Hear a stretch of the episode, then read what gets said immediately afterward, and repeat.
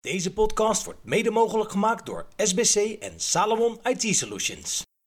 Let's do it. If you want some, baby, come and get it. If you need some, baby, come and get it. If you want some, baby, come and get it. If you need, just come and get it. Welkom bij de podcast van ComeGetIT.nl met Sander Bruis en Martijn Verheij. Welkom bij de Com Get IT extra aflevering van 10 mei, ons eigen event.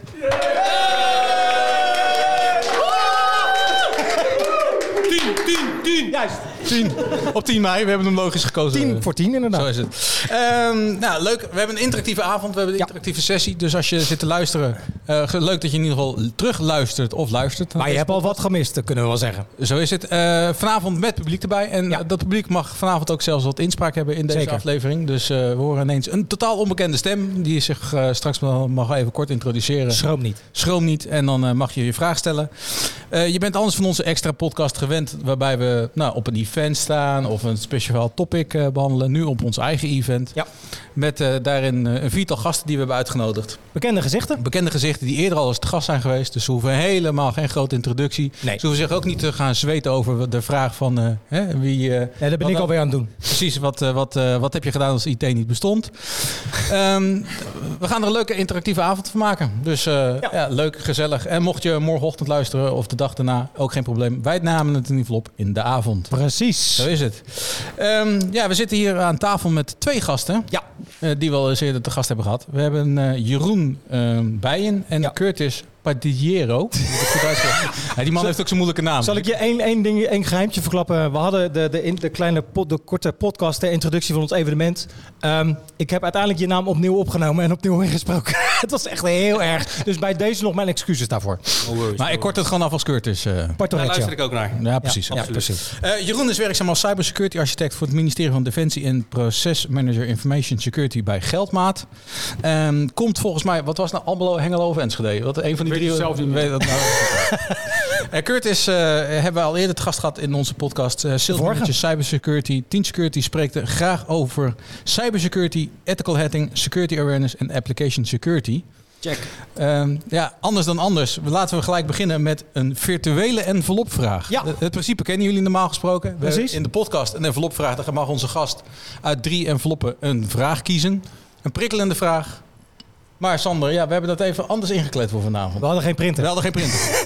Zo heel secure, heel veilig. We hadden geen printer. Nee. Dus we hebben gekozen voor, eh, we, hebben, we kunnen gelukkig het scherm gebruiken, voor een zogenaamde virtuele eh, envelopvraag. Inderdaad, om het spits af te bijten. Ehm, nou ja, wat dat betreft eh, mogen jullie kiezen wie als eerste kiest. We hebben nog steeds drie vragen waaruit jullie mogen kiezen. Dus zeg het maar, jongens. Jeroen, nummer 1 of 2 of 3?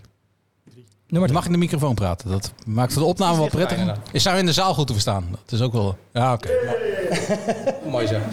Even kijken hoor. Gaan we naar vraag nummer 3. Even kijken, envelopvraag nummer 3. Dus de vraag is, Jeroen. Ben je als security expert wel eens het slachtoffer geweest van een beveiligingslek of een hack? Gewetensvraag. Ja, Ja. soort of. Ja, zeker. Nee, niet Nee? in de zin eh, van, eh, van, van het woord. Tuurlijk wel een keer een, eh, een, een, eh, een virusje. Zeker vroeger, eh, toen je nog niet zo eh, security-minded was. Ja, ja.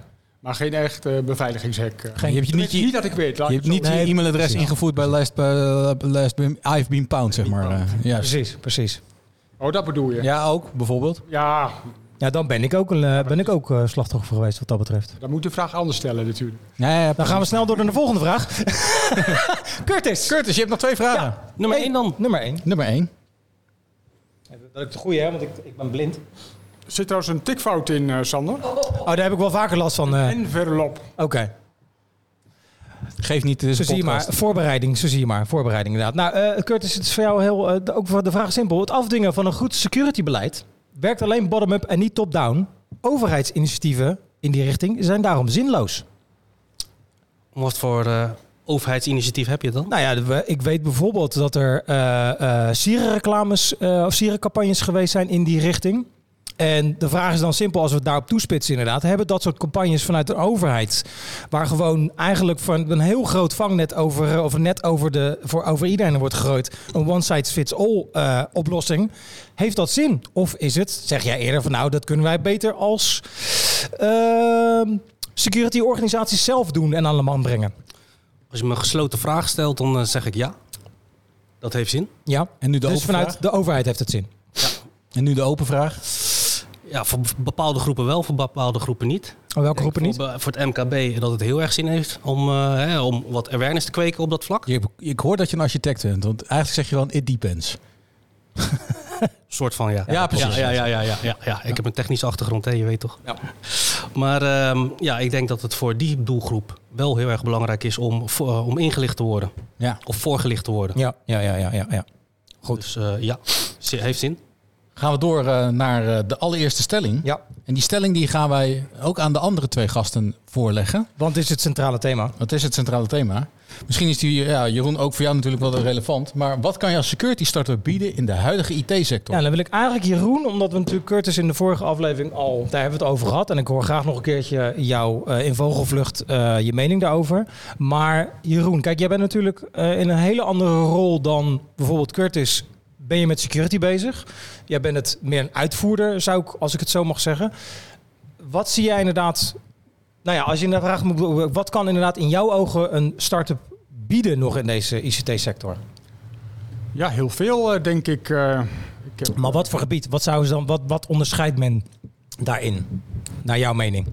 Nou, ik denk dat ik over de hele breedte van informatiebeveiliging wel eh, een aantal punten kan noemen eh, waar je wat mee kunt. Ja. Nou, wat, wat denk ik heel zinvol is, is, is om als het kleinschalig lukt om managed eh, security monitoring te doen. eh, want heel veel bedrijven, met name de klei- kleinere bedrijven, die, eh, die hebben hun informatiebeveiliging vaak onvoldoende op orde. Ja. Nou ja, het is net als, als je eigen huis beveiligt en je, je plaatst camera's, dan kun je in ieder geval zien of er verdachte omstandigheden zijn. En als je geluk hebt, kun je dat ook terugzien of krijg je daar een melding van op je telefoon. Dan kun je in ieder geval zelf actie ondernemen, hopelijk snel genoeg voordat een inbreker binnenkomt. En zo eh, zou ik dat eigenlijk ook zien eh, binnen een organisatie die informatiebeveiliging wat minder goed op orde heeft. Maar wordt dat niet aangeboden op dit moment dan door de verschillende beveiligingspartijen al? Nou, het wordt wel aangeboden, eh, maar nog mondjesmaat. En het, en het is best wel lastig om het aan te bieden. Dan kijk ik gelijk. Vrij, vrij Ja, complex is. Dan kijken we gelijk naar Curtis inderdaad. Nou ja, dan is de vraag natuurlijk voor jou ook. En eigenlijk als een vervolgvraag. Hoe denk jij inderdaad dan... Bijvoorbeeld, je hebt een gesprek met Jeroen. eh, vanuit jullie beide hoedanigheden. Hoe ga je het gesprek aan? Even natuurlijk vanuit de, de gedachte dat eh, Jeroen een behoefte heeft in beveiligen. Als ik het zo mag zeggen. Ja. Hoe vlieg jij dat dan aan om inderdaad om in dit geval team security uit te lichten als zijn er van... Nou ja, wat wij doen is dus wel anders dan de anderen. Sowieso moet ik eerst weten wat Jeroen wilt gaan beveiligen. Ga je data beveiligen, je netwerk, eh, eh, Ik noem ben maar, maar een op. MKB-bedrijf die ge- eigenlijk totaal geen verstand heeft van informatiebeveiliging. Ik vind het allemaal veel te duur. maar Kijk, ik wil wel graag dat is een goed voorbeeld. worden. Ja, nou, eh, voor ons is het heel, eh, heel simpel. Wij bieden een, een prijs aan, een abonnement aan per gebruiker per maand. Jij wilt eh, monitoring, dan bieden wij monitoring aan per gebruiker per maand. Dat is meteen inzichtelijk. Hè. Wij, eh, het, het grote verschil, eh, eh, het Sander, tussen een start-up zoals wij en, de, en, en laten we zeggen de oude garde, is dat de oude garde die komt vanuit een infragebied. Ja, ja, ja. ja. Die gaat dus ook infra denken. Die gaat eerst denken van eh, we moeten een inventarisatie maken van de hardware. We moeten devices gaan tellen. En op basis daarvan gaan wij een prijs afgeven. Wij, eigenwijs als we zijn, zeggen van joh, dat maakt ons niet uit. Hoeveel gebruikers heb je? Dan is dat voor ons wat telt. Dat is dat bedrag keer het aantal gebruikers. En dat is wat je per maand kwijt bent. Eventueel aangevuld met een cyberverzekering. Want zo eigenwijs zijn we ook. We moeten wel iets meer bieden of brengen dan de andere partijen. Is het ook iets wat jij daadwerkelijk in ziet gebeuren dan? Eh, Wat je bedoelt, je bent eh, je werkt eh, werkzaam voor Geldmaat, ministerie van Defensie. Dat zijn denk ik organisaties die wel security hoog in het vaandel hebben staan. Is dan inderdaad iemand die als Curtis met zijn organisatie die bij komt van nou ik doe echt iets anders.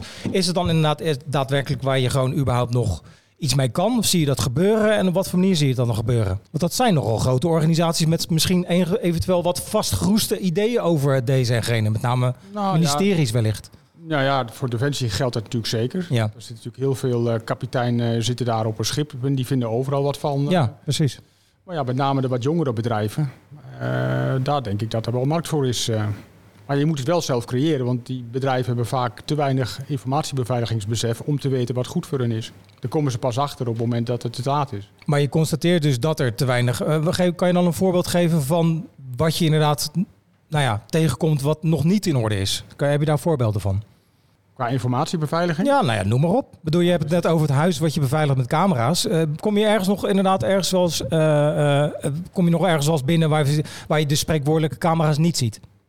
Ja, zeker. Of onvoldoende. Het staat Ja, ja. op bepaalde plekken bij wijze van spreken. Er wordt, eh, kijk, kijk, je je kunt niet alles beveiligen, je kunt niet alles monitoren. En je kunt niet overal een alert op zetten. want Nee, dat dan, klopt. eh, Dat klopt. Ja, als je honderden alerts eh, per uur krijgt, dan kijkt op een gegeven moment ook niemand er meer naar. Dus je moet gaan kijken naar de business. Wat wil je beschermen? Ja. Op basis van je ehm eh, kroonjuwelen ga je, ga je bekijken wat je zou moeten beschermen. En hoe je dus, en vraag je dus je leverancier hoe je het beste je security monitoring in kunt trekken. Ja, ja, precies, precies. En ehm, wat zie jij, Curtis, inderdaad? Of wat zien jullie als team security op het moment dat je inderdaad... eh, of wat kom je in het veld tegen, inderdaad? En dingen die je misschien nog heel erg verrassen of verbazen...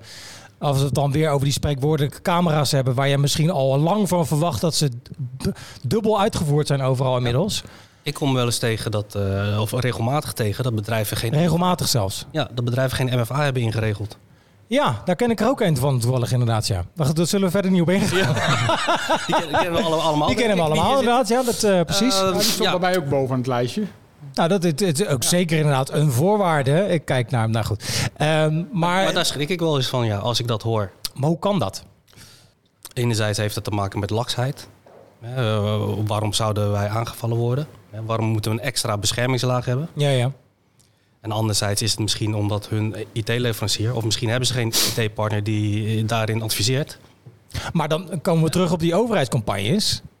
Hebben die dan wel zin gehad? Daar ligt dus een taak. Ja, Eh, maar, is die taak voor de overheid? ik denk onder andere, maar, maar zeker ook voor ons. Of, Ja. of, of, eh, partijen zoals wij. Ja, wij moeten dat evangelie gaan, vers- gaan verspreiden. En hoe doe je dat dan? Middels eh, podcast. Dat is een hele goede inderdaad, ja precies. Ja, ja, precies. Nou hebben we natuurlijk, daar, daar delen wij onze luistercijfers nooit. Dus wat dat betreft Ja. eh, kun- kunnen wij niks zeggen over eventueel Nee, maar ik bereik. denk Maar, dat eh, de sprekers na ons daar ook over eh, kunnen, kunnen meepraten. Ja. Er- Er zijn dingen die, daar hebben wij een taak in. Daar hebben wij een rol in. ja, ja, ja, ja. En dat is eh, dit soort evangelie verspreiden. En waar begin je dan? Ja, dat is een goeie. Dat is goeie. Want is het inderdaad van, eh, bijvoorbeeld, eh, je, nou ja, ik neem aan dat je een soort assessment maakt, precies op basis van de wens die er uitgesproken is. Ja, ja dit zijn Dat, ons... dat is nummer drie, eh, Sander. Een, eh, een risico-assessment, eh, quickscan risico-assessment. Precies. Ja, ja, ja. ook de vraag, hè? hoe definieer je dan als bedrijf je eigen risico's? Ja.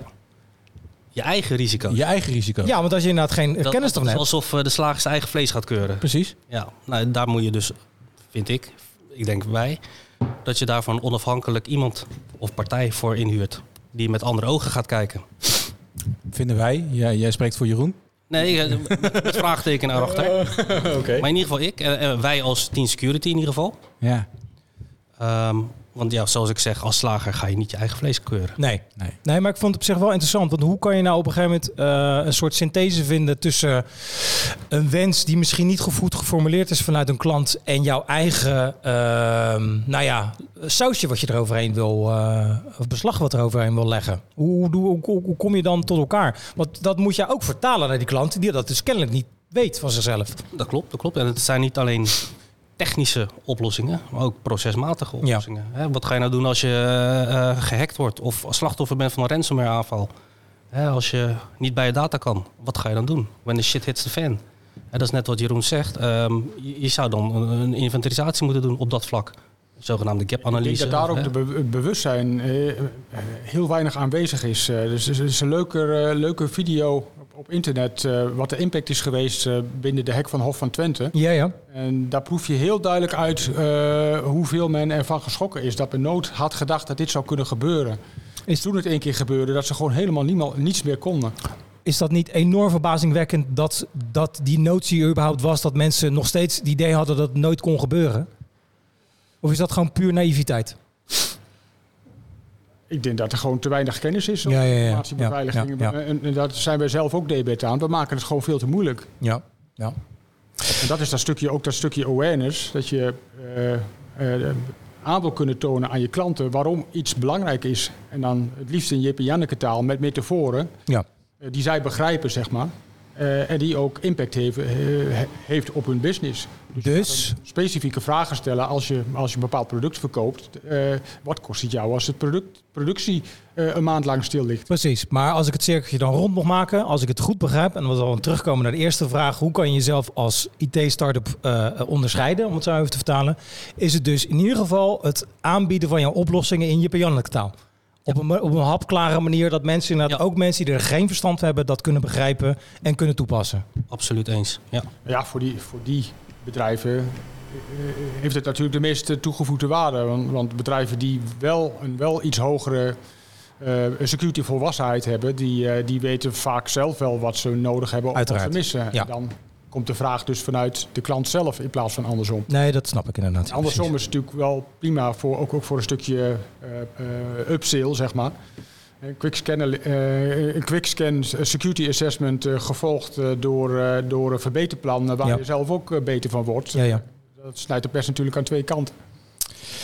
We hebben in de zaal natuurlijk ook een publiek zitten. En we hebben in de zaal ook een microfoon. Ja, zeker. Gerelateerd aan deze stelling, zijn er dan vragen vanuit de zaal? Eh, eh, handen opsteken. Niet allemaal tegelijk, niet allemaal tegelijk. Dan gaan we gewoon door naar stelling 2. Dan gaan we door naar, nou eigenlijk stelling 2. Oh ja, sorry, net. Ik denk dat een quizvraag. Ik vergeet mijn eigen onderdeel inderdaad. Ja.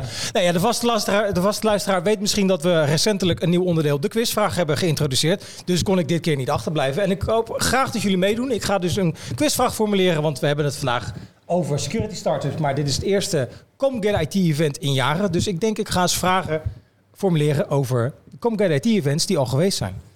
We hebben namelijk een aantal eerdere gehad. Nou, door omstandigheden hebben we daar even de pauze op moeten zetten. En konden we inderdaad dit jaar eindelijk weer ons ding doen. Dus de vraag is, en jullie mogen allemaal meedoen, maar komen aan het einde van de sessie pas met het antwoord. De vraag is, de eerste Comgat event is in het kasteel Woerden geweest in 2019, als ik me goed heb.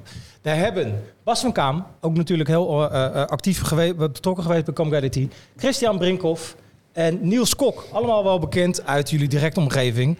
Maar daar heeft nog iemand heeft daar gesproken. Dus dat was spreker nummer drie. Ik ben benieuwd of jullie weten wie de derde spreker was van die avond. Ja, ik denk dat er zit al, maar aan het einde van deze sessie geven we jou de microfoon.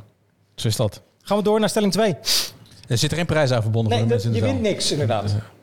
Helaas. Helaas, helaas, helaas. Stelling, Stelling 2, stelling 2. Ook En- jullie gedachtegang. Ja, stelling 2 is Europa wil gaan naar een digitale identiteit, identiteit voor alle Europeanen. De stelling is, dit is een tikkende tijdbom op gebied van security. En dan begin ik dit keer bij jou, Curtis. En je begint met een glimlach. Dus, ja, eh, inderdaad. Ik zie inderdaad gelijk een enorme glimlach inderdaad. Ja, stel hè, dat, dat, dat ze dat voor elkaar krijgen. Dat alle identiteiten in een database verzameld Ze worden. zijn hard op weg, kan ik je vertellen. Precies, met BSN, met, eh, noem het allemaal maar op. Ja. En ze worden gehackt. Nou, dat is feitelijk de vraag achter de vraag inderdaad. Precies. Maar is het... Kijk, even alle sentimenten over Europa eh daar gelaten. De vraag is natuurlijk, het komt inderdaad allemaal... Wordt, het wordt gecentraliseerd inderdaad. En ik weet zeker dat de mensen die dit verkopen zeggen van... nee, maar dat is allemaal super veilig en bla bla. Je hebt niks te verbergen, dus kom maar. Nee, precies. Nou, ge- gewetensvraag. Nou, maar is het überhaupt... Ja, sorry. Als ik aan jou vraag of jij een DNA, eh, eh, wil, meewerken aan een DNA-onderzoek. Nee, Ga je dat dan doen of niet? nee, Zou je dit wel doen of nee.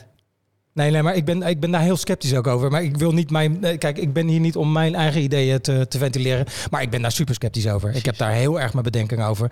Maar als we het dan puur terugbrengen op security, is dit inderdaad. da- Is het een.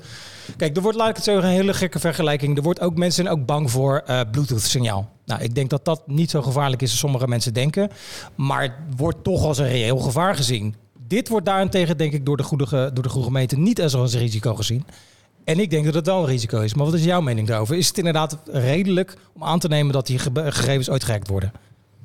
Ja, op- persoonlijke titel zeg ik dat dat heel erg link eh, Heel graag. hoe is. Ja, Ja, ja, Ik, Maar- hoor- ik voel, ik voel aan rechts van mij dat, eh, of links van mij dat er iemand. eh, Ja, nee, ja, een, eh, graag een tegenovergestelde mening, alstublieft.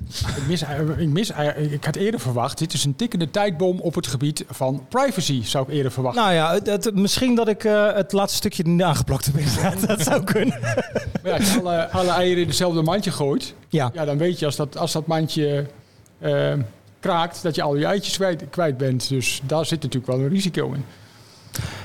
Jij werkt voor een ministerie. Dus dan doe ik even heel even voorzichtige aanname dat een ministerie te vergelijken is met de EU qua eh, eh, eh, regelgeving, qua infrastructuur, qua organisatie. Denk je dat het reëel is dat je gegevens inderdaad ooit op straat komen? Stel dat we de. Kijk, en ik heb heus wel vertrouwen dat een EU genoeg centjes heeft om de juiste mensen in te huren om dat te beschermen. Maar is er dan nog steeds wel echt een risico behalve privacy? Is het security technisch ook een risico wat jou betreft? Het is altijd een risico. Je kunt altijd gehackt worden. Ja, ja. En ook bij die organisaties eh, werken gewone mensen, gewone Zeker. techneuten. Zeker, zeker, zeker. Ik, eh, ja, ook bij securitybedrijven zie ik ook vaak eh, techneuten rondlopen die, eh, die toevallig veel kennis hebben van een product dat een security functionaliteit heeft. Ja. Dat is iets anders dan dat je security minded bent. Ja, dat is helemaal waar inderdaad. Dat is helemaal waar. Ik, eh, ik krijg net een vraag door, hè, want de techniek staat voor niets. Ja, zeker.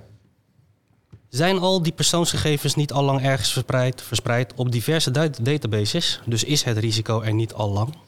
Dat is een informele vraag uit de zaal. Die hadden we liever voor die microfoon. Ja, inderdaad. Kan iemand die, die me gestuurd heeft niet, alsnog niet even via de microfoon dit vragen? Misschien moet hij of zij eh, anoniem blijven. Ja, dat zou kunnen inderdaad, ja. Ehm, maar is decentralisatie, nou ja, laat ik dan antwoord op de, jouw vraag stellen. Is decentralisatie juist niet een goed iets, omdat het decentraal is? En dat het dus niet in één keer allemaal... eh, eh, Dus kan worden. risicospreiding bedoel je ja, dan? risicospreiding. Het het kan. Want die gegevens, tuurlijk zijn die gegevens al lang overal. Eh, Ik ben niet, nou ja, ik, ik heb niet de illusie dat ik inderdaad niet bekend bij ben de- bij alle instanties. Nou, ik denk, jij weet ook, hè, als een ziekenhuis gehackt wordt... hè, dus, eh, en, en hackers komen bij de klantgegevens... of hè, bij, bij de gezondheidsgegevens... Ja. dan gaan ze ook andere ziekenhuizen proberen. Zeker. Hè, afgelopen week eh, is er een eh, woningcoöperatie nieuws geweest. Ik geef het je op een briefje dat die gasten ook andere woningcoöperaties gaan uitproberen. Ja, uiteraard. Dus ja, weet je, ik denk dat het de uitdaging alleen maar groter maakt voor die jongens of meisjes. En dat het niet zo heel veel uit gaat maken. En als je het alles centraal zou doen, hè, dan denk ik dat je gewoon eh, één grote honeypot hebt. Ja, dat denk ik ook inderdaad, ja. Dus uiteindelijk zeggen jullie allebei niet doen. Wat mij betreft niet. Eens? Nou, vooral vanuit privacyoverweging. Nou ja, wat voor overweging dan ook inderdaad. Maar dat ben ik ook met je eens trouwens. is niet heel erg spannend voor dit gesprek, maar... Kijk, uiteindelijk als je alles gaat verdelen, eh, dan eh, uiteindelijk eh, kunnen, ze, kunnen ze de totale puzzel ook wel leggen. Maar wordt lastiger, denk ik. We hebben een vraag. We hebben een vraag. Ja, Staat hij aan? Ja. hij staat aan. Oké. Mag ik een vraag stellen die daar misschien een beetje tegen ingaat? Zeker. Moeten we onze angst, dit soort innovaties dan tegenhouden? Kijk bijvoorbeeld eventjes eh, naar iets wat recentelijk ook in het nieuws is geweest. Eh, misschien iets wat minder op het gebied van security. Maar kijk eventjes naar eh, de ontwikkelingen van eh, ChatGPT... waar de hele wereld over struikelt. Als Ja. de angst en gevaar, want als... Dit lijkt mij ook een angst, want gevaar, wat als... Ik denk dat deze informatie al lang verkrijgbaar is voor de boefjes. Ja, je gaat het misschien op een centrale plek neerzetten. Ja, maar je zegt tegenhouden. Ik, ik zeg niet dat je iets moet... Ik, als ik het zelf zeg, zeg ik niet dat het tegengehouden moet worden. Ik denk dat je er heel erg kritisch op moet zijn. Dat wil niet zeggen dat iets niet moet. Maar ik hoor jou ook zeggen, ik doe er niet aan mee. Dat klopt, maar dat is mijn persoonlijke keuze. Ja, ik spreek natuurlijk niet voor iedereen. Nee, maar er zijn wel meer mensen die daar op die manier over denken, denk ik. Aan de andere kant denk ik, op het moment dat je het als een soort honingpot neerzet, ja, maar ja, dan heb je misschien ook maar één plek waar je het echt extreem hoeft te beveiligen. Ja, ik, ik denk dat er voorbeelden zijn dat dat... ik kan ze even niet, maar ik weet dat er voorbeelden zijn die dat ehm, aantonen dat dat juist lastig is. Misschien de KVB een goed voorbeeld, maar... Ik, wat ik vooral als ik voor mezelf spreek, wat ik belangrijk vind, is dat ik een opt-out mogelijkheid heb. Ik, als we naar patiëntendossier kijken, mijn vrouw heeft een vrij lang, dat weten de luisteraars inmiddels ook wel, een vrij lange eh, eh, medische historie. Dat die haar gegevens deelt met andere ziekenhuizen, omdat het makkelijker met elkaar samenwerkt. Prima. Voor mij hoeft dat niet. Ik wil gewoon een opt-out. That's it. En dat je dan op een gegeven moment inderdaad bepaalde insuline, eh, maar prima. Maar laat mij er buiten. That's it. Maar dat is jouw mening. Dat is mijn mening. En we zitten hier niet voor mijn mening over. Maar... Tijd voor stelling 3. Oh, Ik weet niet of er nog andere vragen zijn. Heb je sowieso antwoord op je vraag? Bianca, onze Ja, lieftallige precies. assistent, Heel goed, heel goed. Heel goed. loopt nu met een microfoon door de zaal heen. Eh, heb ik antwoord op mijn eigen vraag? Eh, nou ja, het was, het was één vraag en het werd ondertussen een discussie. Dus nee, niet één direct antwoord. Eh, ik heb niet de angst om mijn persoonsgegevens ergens eh, in een centraal dossier te geven. Ik zie daar wel wat voordelen van. Ja, prima toch? Eh, maar nogmaals, dat is inderdaad iedereen zijn eigen mening. Ja. Eh, want het, het, ja, het, het biedt ook wel... Maar zie jij een risico als dat zou gebeuren? Niet meer dan nu? Nee, ik denk dat we al een hele grote digitale footprint hebben eh, waarvan we misschien niet eens heel erg bewust zijn. Eh, maar iedereen met een online abonnement op iets heeft al ergens bepaalde gegevens achtergelaten. Eh, we doen dat ook bij eh, simpele streamingdiensten waar we van alles achterlaten in de vorm van eh, creditcardgegevens. Om een creditcard af te kunnen sluiten heb je ergens al een keertje je gegevens achter moeten laten. Dus ergens staat er al een database met al mijn spulletjes erin. Gaat die zover als een digitale identiteit? Nee, wellicht niet. Uh, maar ja, om mijn paspoort te maken hebben ze ook een keertje al mijn gegevens ergens moeten opslaan. Dus Ja, maar moeten ze dat in Polen ook weten? wie zegt dat ze dat niet al lang hebben? Nou ja, dat weet ik niet. Maar moeten ze dat in Polen ook weten? Nou, op het moment dat mij iets overkomt eh, terwijl ik in Polen ben, maakt het voor mij wel een stuk makkelijker om geholpen te worden. Nou, daar ben ik het echt niet mee, mee eens. gaan- maar goed, dan, we dan ook gaan- een discussie. Maar daar zijn we het dan fundamenteel, fundamenteel We gaan over door naar stelling... eh, Ja, de laatste tijd voor stelling 3 inderdaad. tijd voor stelling 3. De laatste stelling alweer voor eh, dit blok. Ja, Dit is stelling 3 voor deze sessie. ik zie hem niet op het scherm, Sander. De stelling is, authenticatie zal altijd een zeker beveiligingsrisico met zich meebrengen. Dit is onvermijdelijk. Ik zie hem alleen niet op het scherm, Sander. Voor, Oh. de, voor, de, voor de zaal is dat wel wat interessant. Pardon, dan heb ik inderdaad... eh, Sorry. Pardon, ze, ja, ze zien maar weer inderdaad. Dan kunnen de heren er alvast over nadenken, zeg maar. Dus authenticatie zal altijd een zeker beveiligingsrisico met zich meebrengen. Dit is onvermijdelijk. E- eh, Jeroen, ik begin bij jou. Lastige vraag. Ik denk, nou ja, het is niet lastig. Eh, elke functionaliteit die je toevoegt, of het nou security functionaliteit is of niet, eh, die zorgt voor extra complex- complexiteit. En dat houdt er zeker risico in.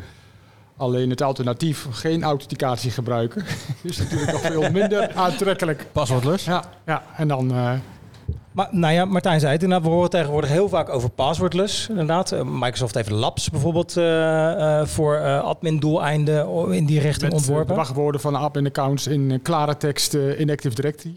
moet ik wel even bij zeggen. Precies, precies. Maar, maar komen we er ooit van af? Die, die vraag hebben we al eens vaker gespeld, ook in de reguliere, sorry, in de reguliere opname. Maar is het iets waar we ooit van afkomen, linksom of rechtsom, überhaupt authenticatie? Je zou jezelf altijd moeten altijd blijven authenticeren, denk je?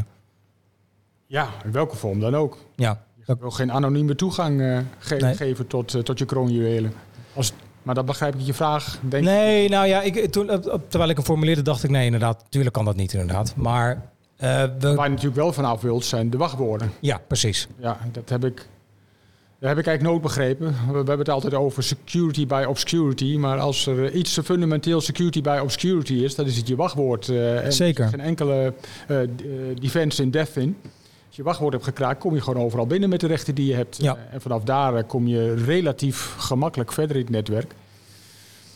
Dus wat dat betreft eh, ben ik wel blij met de initiatieven. Enerzijds een gebruikersvriendelijke MFA, waardoor het gewoon een stuk gemakkelijker is geworden dan pakweg 15 jaar geleden om sterke authenticatie toe te passen.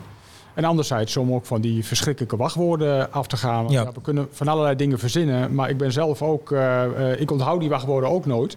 Nee. Eh, en als je eh, je systeem binnen wil komen en, je komt, je- en het gebeurt je een paar keer omdat je zo vaak je wachtwoord verandert naar een volledig verschillend wachtwoord, eh, dan, eh, ja, daar word ik ook niet vrolijk. eh. Nee, nee. Dus je probeert altijd eh, een balans te vinden in de sterkte van je wachtwoord. Maar je gebruikt geen wachtwoordmanager. Ja, tuurlijk gebruik ik wel een wachtwoordmanager, maar die Zullen we het over LastPass gaan hebben? Nee, man, ik, ik, ik, let's hoor, do. ik hoor je Ja, zeggen dat je geen wachtwoorden wilt onthouden. Ja, d- daar heb je dan de- de- een tool voor. Ja, nee, dat klopt natuurlijk. Maar eh, die, eh, die, je, moet, je zult toch wachtwoorden moeten onthouden op het moment dat je, dat je op je werkplek inlogt. Eh, als je dan continu je wachtwoordmanager moet gaan gebruiken en de, de dingen overtikken, dat is ook niet echt makkelijk. eh. Ja, je, je zou ook met je vinger kunnen inloggen of met je gezicht. ja, Dan heb je ja, geen wachtwoord nodig. dus. Ja. Ja. Ja, precies. Nou, Daarom maar- ben ik ook blij met MFA, omdat dan de, eh, het risico wat minder is op het, op het eh, wachtwoordgebruik. Op het wachtwoord gebruiken inderdaad. Ja, ik, ik weet dat er inmiddels ook MFA-bommen eh, eh, worden verstuurd af en toe, waardoor mensen diep in de nacht maar een keertje gewoon ook op oké klikken om er maar vanaf te zijn.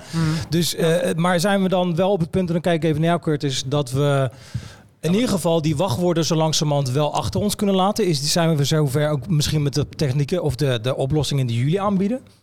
Of heb je nog altijd, altijd een wachtwoord nodig? Ja, Jeroen zegt het net, je hebt toch je wachtwoord nodig om, eh, om, om je, je laptop te unlocken of in Windows Ja, in te Windows loggen. Hello. Of, Ja, je kan toch bij Windows inderdaad. En ik, ik, kan, natuurlijk. nou ja, ik werk op een MacBook, kan ik ook mijn vingerafdruk gebruiken tegenwoordig. Klopt, ja. Mag ik ook mijn wachtwoord gebruiken als ik dat wil? Ik doe het ook. Ehm, Maar is het iets in, in gesprekken met klanten die je hebt? Is, is, is het iets wat vaak voorkomt nog? eh? op dat vlak... eh, is dat niet verbazingwekkend? Aangezien het vaak toch een heel vaak, gebru vaak gebruikt eh, eh, eh, voorbeeld is. Nee, het, het gebruik van een passwordmanager, dat, dat, dat komt wel eens ter sprake, ja. Ja. Zeker met LastPass. Wat is het alternatief? Precies. Ehm, ja, en daar houdt het eigenlijk op. Ja. We hadden het er net over dat sommige bedrijven nog geen MFA hebben. Ja, dan weet je een beetje van, goh, hoe is het met de volwassenheid gesteld daar? Ja, dat klopt inderdaad, ja. Dus dan heb je soms Ja, een dat hele is moeilijke vaak het discussie. probleem, hè, dat je veronderstelt dat de organisatie die jouw eh, security eh, eh, tools aanbiedt, dat die de beveiliging wel goed in orde hebben. En we Ja, ja. hebben gezien met SolarWinds dat dit niet het geval is. Dat klopt. De berichten die je van LastPass eh, eh, ontvangt, die zijn ook niet eh, eh, waar je vrolijk van wordt, zeg maar, als Dat klopt. informatiebeveiliger. Maar zie je dan nog wel een stip op de horizon? Als we dan de mensen nog iets moeten meegeven wat dat betreft? Want hè, ik bedoel, 15 jaar geleden waren we allemaal nog gewoon echt traditioneel gebruiksnaam wachtwoord aan het gebruiken.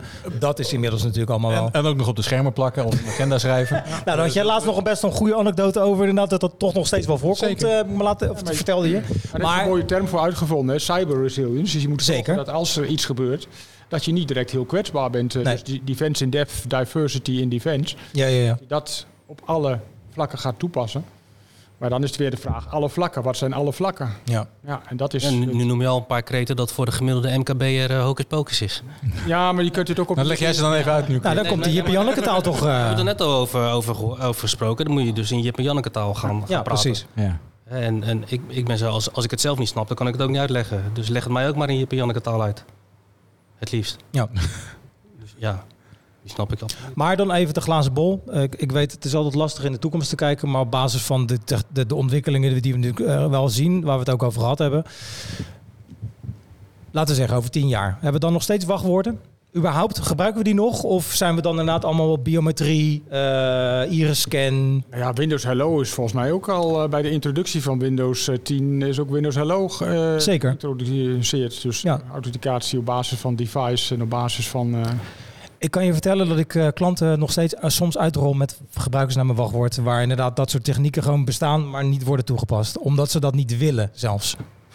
ja, of omdat het gewoon werkt. Dus, eh, Ja, zeker, Als je, zeker. Als je als, als leverancier vooral geïnteresseerd bent in geld binnenharken en niet zozeer in de, de informatiebeveiliging van je klanten op een zo hoog mogelijk niveau te brengen, Ja, ja, dan stuur je misschien juniors er naartoe die zo snel mogelijk de, het netwerk gaan optuigen met, eh, met de standaard instellingen. Ja, ja, ja, ja, ja. Dus uiteindelijk zullen we ook in dat opzicht, en ook dat is een enorme open deur die we vaker intrappen, zijn we afhankelijk nog steeds van de, de menselijke factor. Maar helpt de techniek er wel bij dat we over een jaar of tien wellicht inderdaad het weer, en misschien nog niet helemaal vanaf zijn, maar toch weer, weer een groot deel van de wachtwoorden uitgefaseerd hebben. Ja, uiteindelijk moet de techniek voor ons gaan werken. Dat mag ik hopen inderdaad, ja. graag. Precies.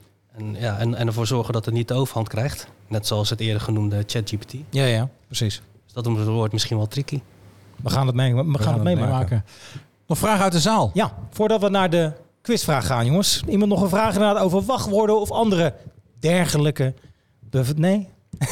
Ik heb, wel, ik heb wel een vraag aan jou, Sander. Nou, heel graag. Ja, wa- waarom moeten we wachtwoorden volledig uitfaseren? Waarom kunnen we niet wachtwoorden, wachtwoorden gebruiken als een eh, eh, tweede authenticatie? Nou, ik moet je eerlijk zeggen dat ik daar nog niet eens zo zelf zo'n probleem mee heb. Want het is wel goed als alternatief inderdaad. Eh, ik denk dat we wel echt van, maar dat hebben we eigenlijk denk ik al wel voor het grootste gedeelte gedaan op sommige organisaties na inderdaad.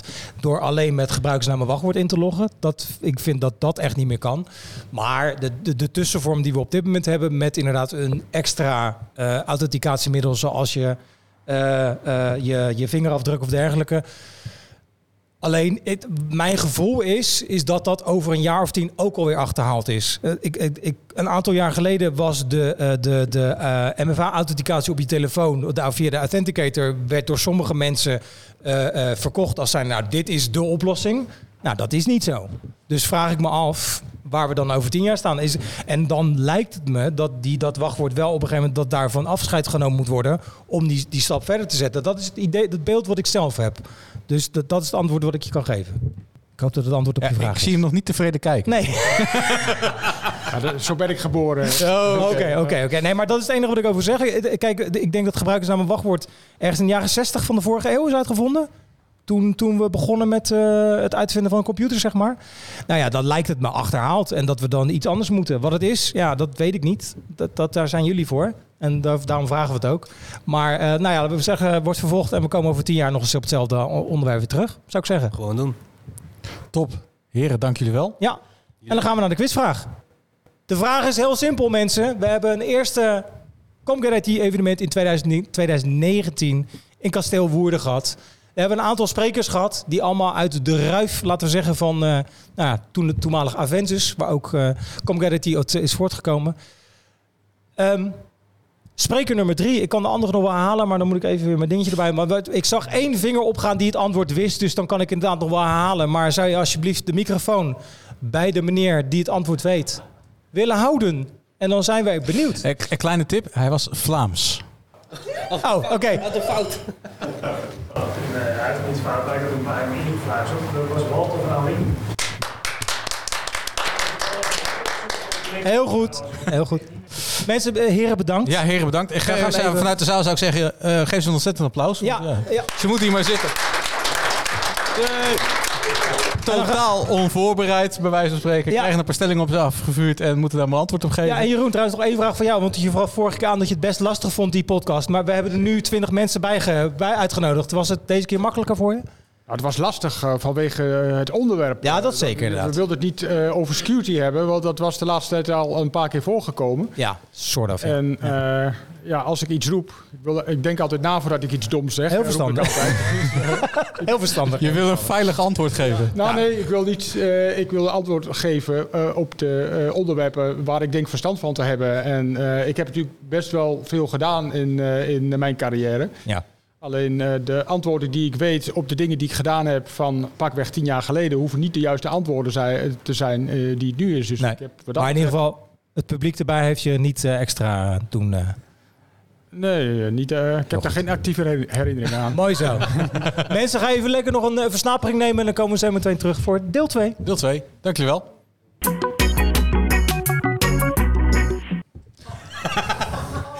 Opnieuw. Opnieuw. Oh, dit gebeurt zo vaak hier, dames en heren. We vergeten even de we vergeten hier de opname. Wat slecht. Wel goed nadenken nu. Nou. Nou. Stelling. Nou, je Kan je even rustig na nadenken inderdaad. Ja, dan weet je inderdaad. Ik weet in ieder geval eh, eh, welke envelopvraag je kiest. Zometeen. Nummer drie. Nou, begin maar weer. eh, ik zeg het. Trap hem af, Martijn. Ja, daar zijn we weer voor het tweede deel van de avond. Ehm, en daar hebben we twee nieuwe gasten aan tafel uitgenodigd. Ehm, Abraham Schermer en Erik Rammelswaal. Geef ze een applaus. Hey! Die gaat wel heel snel, Sander. Nou, Erik is eh, voormalig de CEO Deerbytes, voormalig managing director security service van KPN, voormalig winterslaper en nu managing director van Solder. En Abraham Schermer heeft meer dan 20 jaar ervaring in het ondernemerschap en algemene management in de IT-industrie met een focus op strategie, business development, corporate finance en human resource. Het gaat je deze keer ook nog wat beter af dan de vorige keer. In Ja, nee, maar dat- eh, dus is de tweede keer, als je alles constateren. Ja, precies. Inderdaad, ja. En dat zeiden we inderdaad toen we het net ook niet opgenomen was. Abraham is de grote drijvende kracht achter Team Security. Het pand, of de bedrijven en het pand waar we vandaag te gast zijn. Dat moet natuurlijk even wel vermeld worden. Nou, eh, we hadden ook al een vraag gesteld aan Erik. Dus De envelopvraag waar we mee begonnen. Had nummer drie gekozen, dus dat slaan we gewoon lekker over. We gaan gelijk naar envelopvraag nummer drie. En de vraag is, of eigenlijk de stelling, over 20 jaar krijgen we, kijken we terug en zien we dat er in die periode dezelfde fouten zijn gemaakt door dezelfde, tussen haakjes, gemankeerde denkprocessen als in de 20 jaar daarvoor. Oftewel, we hebben niets van het verleden geleerd.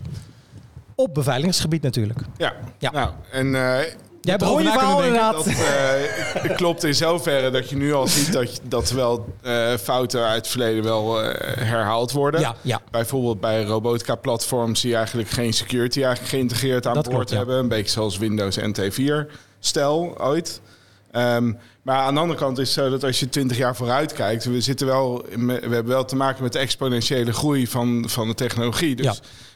Z- eh, hebben eigenlijk waarschijnlijk helemaal geen voorstellingsvermogen bij wat de stand van technologie is over 20 jaar vanaf nu.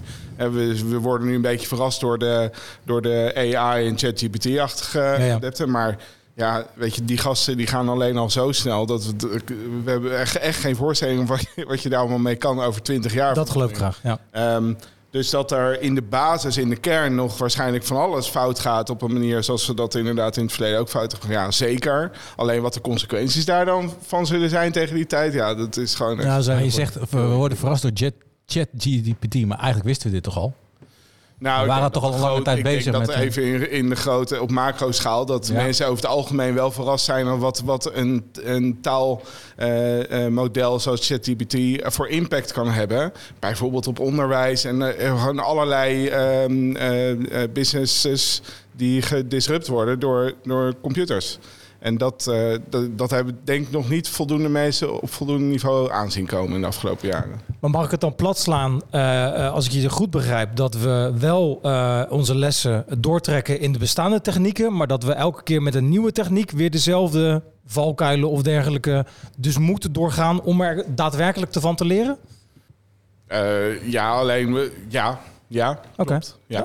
Gaan we naar de volgende envelop. Nou, je bent wel de koning van de suggestieve vraagstelling, eh, moet ik Nou zeggen. ja, is- daarmee houdt het een beetje spannend, toch? Nee, zeker. En eh, eh, dan is het ook eh, een uitdagende eh, stelling, Dat probeer eh, ik. Sander. Ja. Eh, voor mij klinkt er wel een beetje in door alsof er nooit progressie geboekt wordt. En dat is natuurlijk eh, niet zo. Er wordt ontzettend veel progressie geboekt. Ben ik helemaal met je eens. En het tempo van verandering eh, wordt gedreven door een functionele behoefte. Eh, zeg maar, zullen we dit eens proberen, kijken Ja. of het werkt. En eh, zoals wel vaker zijn er dan soms goede ideeën die eh, ingehaald worden door een succes. En dan is het ja, ze hebben wel niet nagedacht over A, B en C. En moet je nou eens even kijken wat ze gemaakt hebben. Ja, ja dat, Dat is wordt denk dus- ik een beetje de keerzijde van vooruitgang. Dat wordt soms cowboys, worden dat genoemd dan. Ja. En verder hebben we natuurlijk de menselijke factor. eh. Zeker, inderdaad. En daarbij deze was deze vraag eigenlijk alleen voor Erik, maar ik Weet bedacht ik. toch bedankt voor je input. Geef niet. maar je mag kiezen. Je mag kiezen, we hebben er nog één en twee, eh, en twee over. Dan ga ik daar ook op reageren hoor. Oh, dat, doe dat. Heel graag. Zijn we benieuwd. Ja. Ik hoorde jou in de introductie zeggen dat het een interactieve sessie zou worden. Ja. Maar mijn antwoord is eh, twee. Twee. Uitstekend. Doe ik weer even mijn bril op dat ik de goede. Nou ja, we hebben het er net al over gehad. Maar dan toch eigenlijk ook een beetje de vraag voor jullie. Het is een ja of nee. Achteraf gezien was de introductie van het traditionele gebruiksnaam en wachtwoord niet alleen een grote fout, maar tevens vermijdbaar geweest. Nou, ik eh, zou heel graag het beantwoorden van deze stelling dan overlaten aan eh, Erik. maar mijn antwoord eh, is nee. Het was niet vermijdbaar geweest. Natuurlijk is het vermijdbaar. Ik weet niet of het een grote fout is. Eh, Nee, nee, dat nee. leek twintig jaar geleden, nou misschien wel langer geleden, Wel langer, ja. een goed idee. Ja. Eh, en eh, nou, veel langer dan twintig jaar geleden. En dat je vervolgens, eh, eh, zeg maar, als eh, sleutelwachtwoord administrator gebruikt voor eh, de rol administrator. Ja, dat zijn dan wel eh, de echt grote denkfouten. Maar dat je iets van ja, inloggen ooit bedacht hebt, vind ik niet eh, per se een Nee, dat ben, ben ik met je eens. En eigenlijk ook wat je net eigenlijk al zei, ik weet niet of jij een van de, eh, wie van jullie het zei, maar er wordt in het begin wel iets bedacht natuurlijk. En dat werkt. Ja. En dan kan je inderdaad, nou, dat zei je eigenlijk in principe ook al, op dat moment natuurlijk ook niet overzien hoe dat 20, 30 of nog veel langer jaar zich Nee, eh, eh, je, had, ontwikkelt. je had gewoon computers aan het begin, die hadden helemaal niet een andere manier van input dan eh, letters. Ja. Dus ja, het is dus logisch dat de eerste vorm van authenticatie gebeurt door een woord. Ja. Een combinatie van letters. Maar Er was nog geen USB, er, was, er waren geen camera's met Face ID Nee, en dat soort dingen. Dus Maar het is wel ontwikkeld door leger, mensen met, met heel veel, in ieder geval organisatie met heel veel mogelijkheden. Was het, als we dan daardoor op to- toespitsen, wel vermijdbaar geweest? Of Eigenlijk begrijp ik dus dat jij denk dat het ook die tijd niet vermijdbaar was geweest door de beperking in de techniek die we toen hadden. In de basis niet. En eh, ik, weet- ik weet niet of er in die zin op dat moment over na is gedacht. Maar de stand van de techniek was dan ook zo dat het ook niet zo heel erg evident was om een wachtwoord te kraken. Kijk, Nee. nu Ja. zeg je van ja, als je een wachtwoord van vier karakters hebt, dan is binnen 0,1 seconde is het gekraakt. Ja. Maar ja, toen, nu heb je GPU's die dat aankunnen. Dat had je toen ook niet. Nee, Dus, precies. weet je, dus het is wel wat veranderd. En in de tijd van ooit, wanneer er is nagedacht over goh, wat zullen we gebruiken om iemand toegang eh, te ontzeggen of niet... is een wachtwoord op zich denk ik helemaal niet zo heel gek gedacht. Alleen inmiddels moet je wat verder denken. Maar het is dus een beetje de spreekwoordelijke koe in zijn kont kijken... door te zeggen inderdaad van, nou, dit had wel beter Nou, dat sowieso. En aangezien ik eh, met afstand de oudste aan tafel ben, wil ik nog even refereren aan waar het allemaal vandaan komt. Nou, heel graag. Eh, want vroeger eh, had een grote organisatie één grote computer. Ja. En eh, ja, dan kun je nu zeggen, nou, dan hadden ze helemaal niet nagedacht over netwerkbeveiliging. Eh, nee. Nee.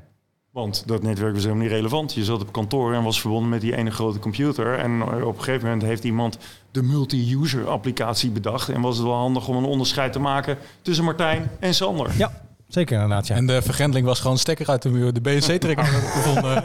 Ja, precies. Het was meer eh, HR. Ja, ja, ja. De beveiliging was, Ja. de user gaat de deur De deur uit. Daar is de maar, slagboom. maar je hebt inderdaad ge- gelijk. We hebben in de tussentijd inderdaad wel heel veel progressie gemaakt natuurlijk eh, wat dat betreft. Met eh, ontzettend veel denkfouten. Dat ben ik Dat hoort erbij, denk ik. Ja. Ik denk dat het goed is, Sander, dat wij naar eh, de allereerste stelling gaan. Ja, en dat is eigenlijk dezelfde Dezelfde stelling die als wij- de eerste inderdaad. eh, voor de, omdat het, nou, jullie beiden zijn betrokken in jullie beide hoedanigheden bij een security startup. Jij bent er zelf één begonnen natuurlijk. Eh, ik kan, mag ik wel zeggen dat je daar ook één begonnen bent? Want je hebt natuurlijk een bestaand bedrijf gepakt en daar eh, die omgevormd. Ja, nou goed, eh, laten we het eh, eh, over start-ups in zijn algemeenheid hebben. Ja. Eh, eh, wat zou de toegevoegde waarde van eh, start-ups moeten zijn? Ook in de huidige ICT-sector. Maar dan wil ik toch even bij Erik beginnen. En dat je- lijkt me een heel goed idee om te beginnen. Nou, bij deze. Jij hebt een, we, je- we hebben jou in aflevering 9, geloof ik, uit, hebben we jou eh, voor winterslaap getrokken? Precies, uit de winterslaap. Dus was je inderdaad in een, nou, in een sabbatical. Maar toch dacht je op een gegeven moment bij jezelf... Ik ga toch weer eens... Het kriebelde. Je bent, eh, je bent inderdaad weer een security bedrijf begonnen. Eh, het hamburgers flippen deed hij toen ook nog, staat me bij je. Ja, klopt. Dat deed je ook nog inderdaad. Ja, precies. Eh, maar met welke gedachte ben je dat begonnen? Heb je inderdaad... Ben je, eh, de- was je gedachteproces van... Nou, ik wil inderdaad een, een bedrijf beginnen wat zich onderscheidt. En hoe heb je dat dan voor jezelf geformuleerd? Nee, eh, ik ben eh, begonnen vanuit de gedachte van ik wil vanaf nu tot het eh, eind van mijn werkbare leven iets doen waar ik gewoon heel veel plezier uit haal. Ah. En daarin de optimale balans tussen privé en werk vinden. Ik had de gelukkige omstandigheid dat ik al een keer een bedrijf had gehad wat ik had verkocht. Ja. Dus dan heb je ook wat, wat meer gelegenheid om te denken, oké, nu kan ik met- wat meer luxe en, en, en ja, zekerheid nadenken van oké, what's next? Ja. Eh, dus ja, voor mij was de uitgangspunt. Ja, ik vind security heel leuk om te doen. Eh, en dat wil ik op een bepaalde manier doen. En ook op een hele hoop manieren niet. Ja. En, eh, en ja, dat is, dat is het uitgangspunt. Daarna ben ik wel... Ik, mijn achtergrond is eigenlijk in marketing. Ja. Daarna ben ik wel gaan nadenken. Oké, dat, dat kunstje wat, wat ik met mijn compagnons kunnen... Hoe kunnen we dat nou eigenlijk zo goed mogelijk... ten dienste stellen van, van ondernemingen met name... eh, die dus een probleem hebben. Ja. Dus wel, wat, wat is het probleem en hoe zetten we daar een oplossing bij die past? Maar hoe kan je dan onderscheiden? In dit geval als eh zolder BV of attic zijnde. Ja. Want dat wil je neem ik aan toch wel? Ja, ja. Nou, eh, ik ben vorige week eh, op RSA gewer- Ja. geweest. Dat is de grootste cybersecurity beurs van de wereld. Nou, als je daar rondloopt eh, en het doel van de beurs is dat, dat klanten daar rondlopen om, om nieuwe technologie uit te kiezen. Voor, ja, dat is niet te doen, want eh, er staan eh, v- 500 verschillende aanbieders Precies. van allemaal hele niche-achtige producten van oplossingen. Dus ik denk wel dat voor de gemiddelde koper, voor de gemiddelde eh, bedrijfseigenaar, gewoon eigenlijk niet te overzien is Nee. hè, wat, wat ze moeten kiezen. Eh, dus in die, in die hoedanigheid nou, nog iets toevoegen wat nog weer in een niche gaat zitten. Om de- iets te kiezen wat nog net niet iemand doet.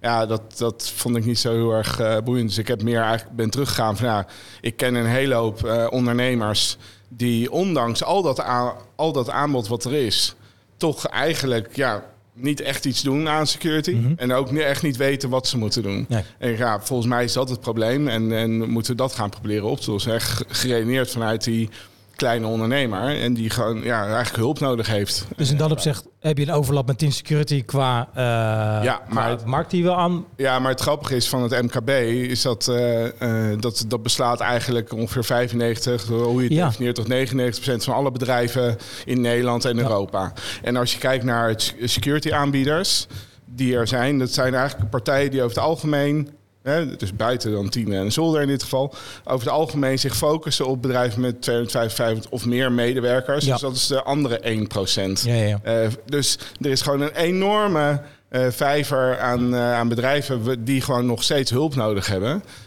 En daar is alle ruimte voor zowel Tien als Solder als nog veel meer aanbieders van goede oplossingen. Maar hoe, Dus dat is geen punt. wat, wat onder, dan vraag ik het toch op heel puur sec. Hoe, hoe vind jij dat jullie je onderscheiden? Nou, Op ik, wat voor manier? Ik, ik geloof dus dat, eh, dat eh, er kwam net eigenlijk ook al voorbij in de eerste sessie. Ja, je kan een MKB-ondernemer eigenlijk het niet aandoen om zelf een keuze te laten te, te maken tussen verschillende technologieën. Ja. Ik denk dat waar een ondernemer naar op zoek is, is gewoon hulp. En, eh, en gewoon hulp van, van mensen die, die ze denken te kunnen vertrouwen. Ja. Dus wij zetten erop in om gewoon te laten zien wa- wat we kunnen. En daarin heel betrouwbaar te zijn. En, eh, en van daaruit eh, ja, ook eh, het probleem voor ze op te Ja, lossen. precies, precies. Eh, door, door gewoon ook gebruik te maken van wat ze, wat ze eigenlijk al hebben. En dat zo goed mogelijk in te zetten. Dus een soort partnering. Een beetje in ieder geval de relatie. Ja, nou ja, ja, dat hoeft niet zozeer in de relatie te zitten. Het is gewoon dat, dat, dat als je een gemiddelde eh MKB'er vraagt van... joh, wie, wie, zou jou, wie zou jij toevertrouwen om jouw organisatie veilig te ja. houden... dan denk ik dat ze een stereotype ethisch hacker eh, voor ogen hebben. En Ja, precies. proberen wij het... eh, Ja, ja, ja. En links van mij zit ook nog iemand die het antwoord op deze stelling wil geven. Ja, zeker. Nee, inderdaad. Heel graag. Nou ja, kijk, eh, eh, hè, want de specifieke vraag is: wat eh, kun je als start-up bieden in eh, de huidige sector? Precies. Eh, en eh, dat zijn eh, nieuwe ideeën, nieuwe invalshoeken, ehm, hoger tempo om oplossingen te creëren. En sommige security startups focussen daarbij op technologie. Binnen Tien werken we met een heel mooi Nederlands bedrijf, Secure Me Too. En zijn er grotere softwarebouwers op security gebied? Ja, zeker. Ehm, maar eh, de snelheid, er vaak ook dicht bij je klant staan, dat is bij een start-up natuurlijk wel ehm, beter verzorgd. Ja. Ehm, maar ja, goed, Tien is denk ik vooral innovatief in dienstverlening, klantbenadering. Terwijl sommige andere bedrijven innovatief zijn in het vinden van nieuwe technologische wegen om de gevaren van cybercrime eh, af te weren. Ja. Ja, het, het mooiste is natuurlijk als je een, een ecosysteem hebt waarin dat soort partijen elkaar eh, voeden en eh, versnellen. In zijn algemeenheid is dat in Nederland best een goede voedingsbodem voor Ja. start-ups. Niet alleen security, maar Nee, want, eh, we hebben met Curtis natuurlijk ook in onze laatste reguliere eh, aflevering daar uitgebreid over gehad. Eh, daar werd dit ook specifiek benoemd, inderdaad, dat het eigenlijk alleen maar in ieders belang is dat beveiligingsorganisaties, hè, ook de antivirusproducenten, om het zo maar te zeggen, informatie met elkaar te delen. Ehm, tegelijkertijd vertelde hij dat wat Tien ook zich onderscheidt, en misschien geldt het voor jullie ook, is dat jullie ook met abonnementsvormen werken, waar jullie natuurlijk een product aanbieden. En dat staat natuurlijk op zich los van de techniek. Maar ik kan me wel voorstellen dat je daarmee een bepaalde klantrelatie kan aangaan. Die misschien die grotere spelers dus niet kunnen bieden of niet willen bieden. En daarmee dus inderdaad een hele andere propositie. En misschien ook een uniekere propositie kunnen aanbieden. Die grotere spelers niet hebben, Ja, bijvoorbeeld. Van mij uit, eh, eh, eh, zeg maar, eh, kort antwoord. Ehm, hoe minder de specifieke deskundigheid bij potentiële klanten is, Ja. Eh, hoe minder complex eh, ehm, je propositie ook moet eh, zijn. Ja. Ehm, plus heel veel zeer deskundige en gevestigde zeg maar, cybersecurity bedrijven in Nederland zitten op de as van wat dan in marketingtermen FUD heet, Fear, Uncertainty en Doubt. Mhm. En dan wordt er een sfeer gecreëerd zodat eh, de bedrijfsrecherche eigenlijk je beste vriend is. Eh, om even een referentie in de markt eh, te geven.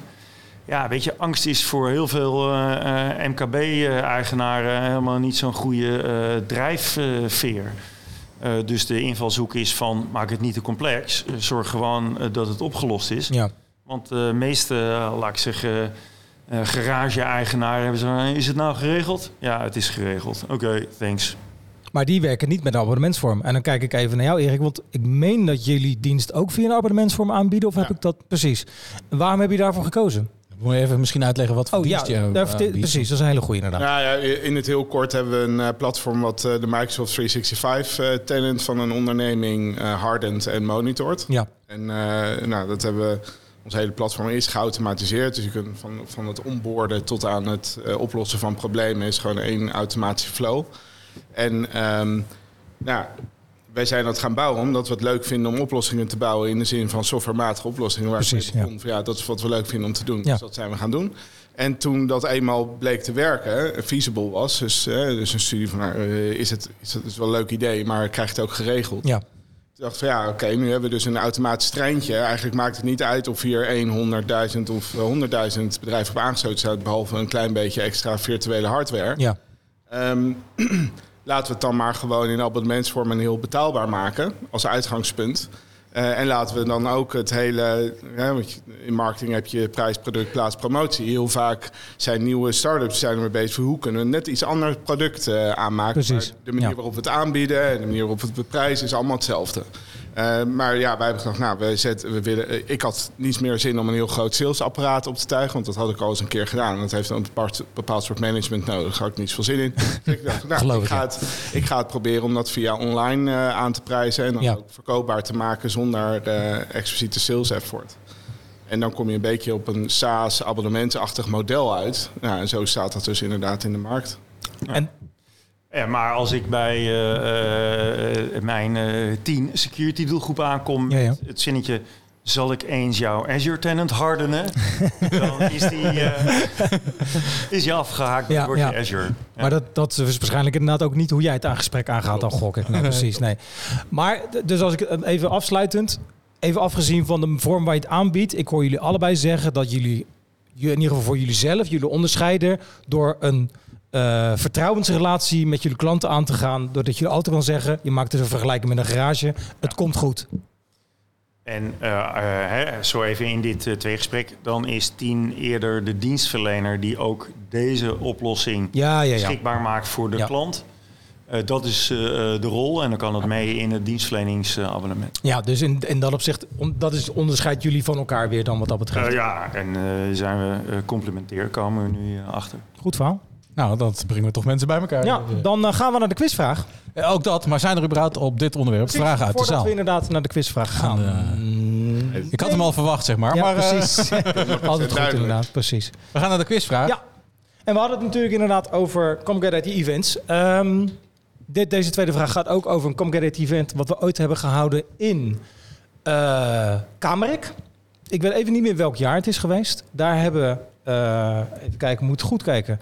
Um, even kijken hoor. Jammer van Amersfoort, Arjan He Henselmans en Bart Groot-Zevert uh, gesproken. Restaurant Kamerik, uh, of nee, sorry, de, de avond stond in het teken van de Formule 1. Dat was het thema van die avond. Het was dus in restaurant Kamerik. En de vraag is aan jullie allemaal, en daar komen we dus op uit, aan het einde van dit gesprek op terug. Welke sportactiviteit kan er gedaan worden op restaurant Kamerik? Komen we zo meteen op terug. We zijn benieuwd. Ja, ik weet ze te verzinnen. Kamerik op een restaurant. Ja, nou, bij, aan. Ah, okay. maar, maar, eet, maar eten is geen sport, Sander. Nee, eten is geen sport. Nee, maar dan gaan we door naar stelling 2. Ja. Uh, stelling 2 is denk ik even een beetje inleiding. Erik, het is een eerdere quote van jou. Oh nee, toch? Ja, dan moet ik weer even goed, even goed doen, want ik... Ah, daar is die. Juist. Stelling en, en, een half jaar geleden. Het is meer dan een half jaar geleden. Oh, en toen was je nog wel eens scherp in je quotes. Oh. Precies. Die hebben we uit inderdaad... Uh, uit is, uh, de stelling is, en hij is uh, lekker sterp aangesneden... Ja. Fuck ITIL, SLA's en ISO. Daar pro profiteren alleen consultants en juristen van, maar niemand voelt zich er veiliger door. Nou, aangezien de quote van jou kwam, ga ik eerst naar uh, Abraham. Abraham, uh, kan je jezelf een beetje herkennen in deze quote? Jawel, jawel, jawel. Uh, Ja. Eh, was een gesloten vraag? Ja. Ehm, maar hij is natuurlijk weer eh, lekker prikkelend. eh, Zeker, dat daarom... precies. Ehm, ik denk wel, en dan ga ik proberen hier de positieve draai aan te geven. Kijk, eh, compliancy, want daar heb je het eh, dan eh, over. Ja, hè? Onder andere. En het gaat niet alleen over security, maar SLA's. Ja, dit is allemaal leuk. Ondertussen is de, je kunt ontzettend goed aan je SLA voldoen. En niemand in de organisatie is blij met de performance van informatiesystemen. Eh, ondertussen is dat dus een beetje vervangen in de markt door XLA's van wat ervaren eindgebruikers Ja. eigenlijk. En dat moet leidend zijn. En dan zit er wel één woordje wat Erik al gebruikte en dat is eh, trust. Ja. Eh, en dat zit hier natuurlijk wel in. Eh, dus ik ben het wel met de stelling eens dat als een bedrijf ISO 27001, NEN 7510 en ISO 9000 eh, gecertificeerd is, dat daarmee geen enkele garantie voor veiligheid gegeven is. Nee. Maar de andere kant op redenerend, het is wel zo dat als daar geen aandacht aan besteed wordt en een bedrijf ook niet kan bewijzen dat er wel aandacht aan besteed wordt, dan zou mijn vertrouwen ook niet eh, gegroeid zijn. Nee, precies. Want dan kom ik inderdaad terug bij de meneer die dezelfde stelling ooit geponeerd heeft. eh, Ja. ik heb van het internet afgehaald. Als we het omdraaien, stel dat ik inderdaad een organisatie ben en niet die certificering heb, zou je dan überhaupt zaken met ze willen doen? Eh, ja, maar dan zou ik daar zelf even wat controles op loslaten. Oké, maar dus het is inderdaad wat Abraham zegt, het is niet een keiharde voorwaarde dat je inderdaad zegt van nou, dit vind ik wel inderdaad dusdanig belangrijk dat het in ieder geval aanwezig moet zijn als, nou ja, Dat hangt helemaal vanaf wat, je, wat voor soort zaken je met zo'n eh, partij eh, gaat doen en welke informatie je met ze gaat uitwisselen, denk ik. Hè? Hoe, hoe hoog je dat leg- legt voor in security. Maar als, als ik ehm, echt mijn eigen klantgegevens of mijn eigen persoonsgegevens ergens ga neerleggen, Ja. dan wil ik gewoon echt tot in de kern weten hoe ze dingen geregeld hebben. ja, ja, ja. En eh, heel vaak zijn er partijen die in staat zijn om dat, om dat aan te tonen. Niet alleen eh, met, met, eh, met een ISO-certificaat, maar bijvoorbeeld met echt met up-to-date pentest-rapporten. Ja, ja. en, weet je, dat soort dingen. Eh, maar ook heel vaak niet. Ja, goed, dan wordt het wat complexer. Ik moet zeggen dat we eh, gelukkig in die omstandigheid gewoon niet zo vaak komen. Maar dat zou in principe normaal gesproken mijn gedachte zijn. Ja. Ja, ja, ja, Ik zou me niet, of iemand een- wel of niet een ISO-certificaat op zichzelf gaat mij niet eh, weerhouden van, van zaken doen of verder onderzoek. Nee, precies, precies. Dus, eh, ehm, nee, dat. Maar ik heb op zich nog wel een leuke anekdote. Want ik heb wel, wel mijn woord gehouden wat dat betreft.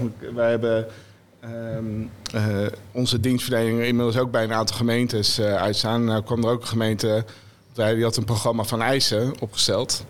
En eh, ja, de, nou dat wil ik dus eigenlijk lef- liever dus net niet. Mhm. Dus dat, de- aan dat ik denk, nou, dit is gewoon de dienst. Het is, het is wat het is, weet je. en Dit is wat het kost. En het is zo goedkoop, omdat wij geen programma van eisenachtige dingen gaan invullen. Ja, ja. Dus ja, als je het niet wil, dan uh, hoeft niet. Maar ik dacht, nou, ik ga toch een, beetje meedoen om te kijken in hoeverre ze daarin mee kunnen gaan in dat, eh, die basis. Maar toen kreeg ik nou, toch inderdaad zo'n Excel-sheet. Ik denk, nou, ik vul hem in. En de, alle, alle items over SLA heb ik rood gemaakt. Van nee, nee, geen SLA, niks. En uh, toen uh, was de reacties, het, het hangt nog in het midden, maar ik hou je op de hoogte hoe het afloopt. Maar uh, de reactie nu van ja, jouw antwoord op programma van eisen, daar kunnen we het eigenlijk niet door inkopen. Maar meestal als we er even over gaan doorpraten, dan komen we er wel uit of zo. Dus ja, we kunnen we even bellen over. Ja, ja, ja. Dus je, je, je wordt nog steeds niet afgerekend door spreadsheet-terroristen. Nee, dat maar dat is dan een inkoopmanager. Die, die schrijft gewoon de opdracht om gewoon, ja, ja, ja. Oh, dit ja. moet hieraan voldoen en anders nee. ja, en dan, dan zit je een beetje in een ISO ISO-achtige ja. ISO traject. Ik herken het wel. Uh, bovendien van uh, dit soort programma's van eisen, ja. aanbesteding, word, word, ik ook een beetje rebels. Ja. Uh, je zou ook het anders kunnen doen, overal ja invullen en dan vervolgens vanuit je eigen expertise nog 25 punten bijschrijven waar zij zelf niet uh, aan gedacht hebben en die ook even allemaal uh, ja. afvinken.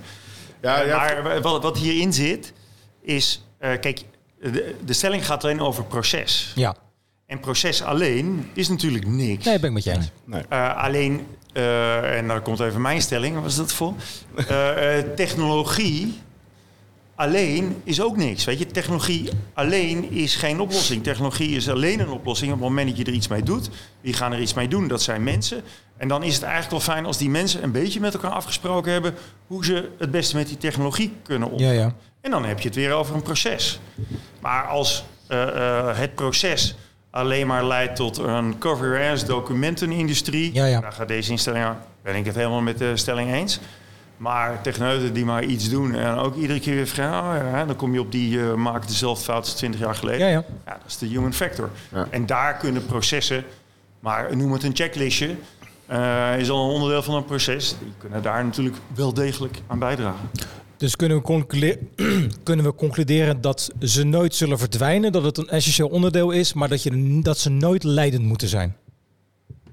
Nou, Mag ik het zo zeggen? Ik denk sowieso dat ze nooit leidend zijn. Ja, ja. Want al die eh, normenkaders die komen natuurlijk pas achteraf als alle fouten gemaakt zijn en geïnventariseerd. Ja, ja, ja. En dan komen we tot iets van een best practice. Dat eh, is mijn positieve insteek.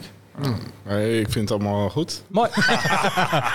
dan gaan we naar, de- dan gaan we naar de volgende stelling. Ik Dan gaan we naar de volgende stelling, ja. joh. Duurt allemaal al veel te lang dit onderwerp.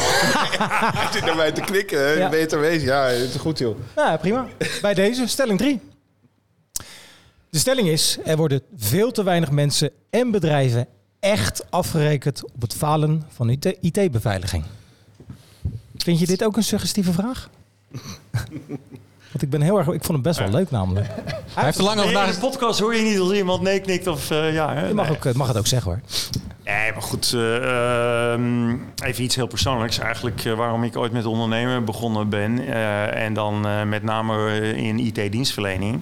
Is omdat ik vind dat eh goede eh, system engineers, de techneuten, de jongens op zolder. Ja.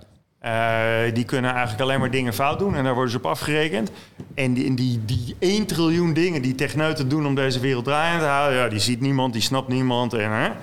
Dus eh, ik breek eh, hier even een, de, de, de sterkst mogelijke lans om dit tegen, tegen de stelling in, in te gaan. Ik zeg ook niet dat het waar En- is, hè, trouwens.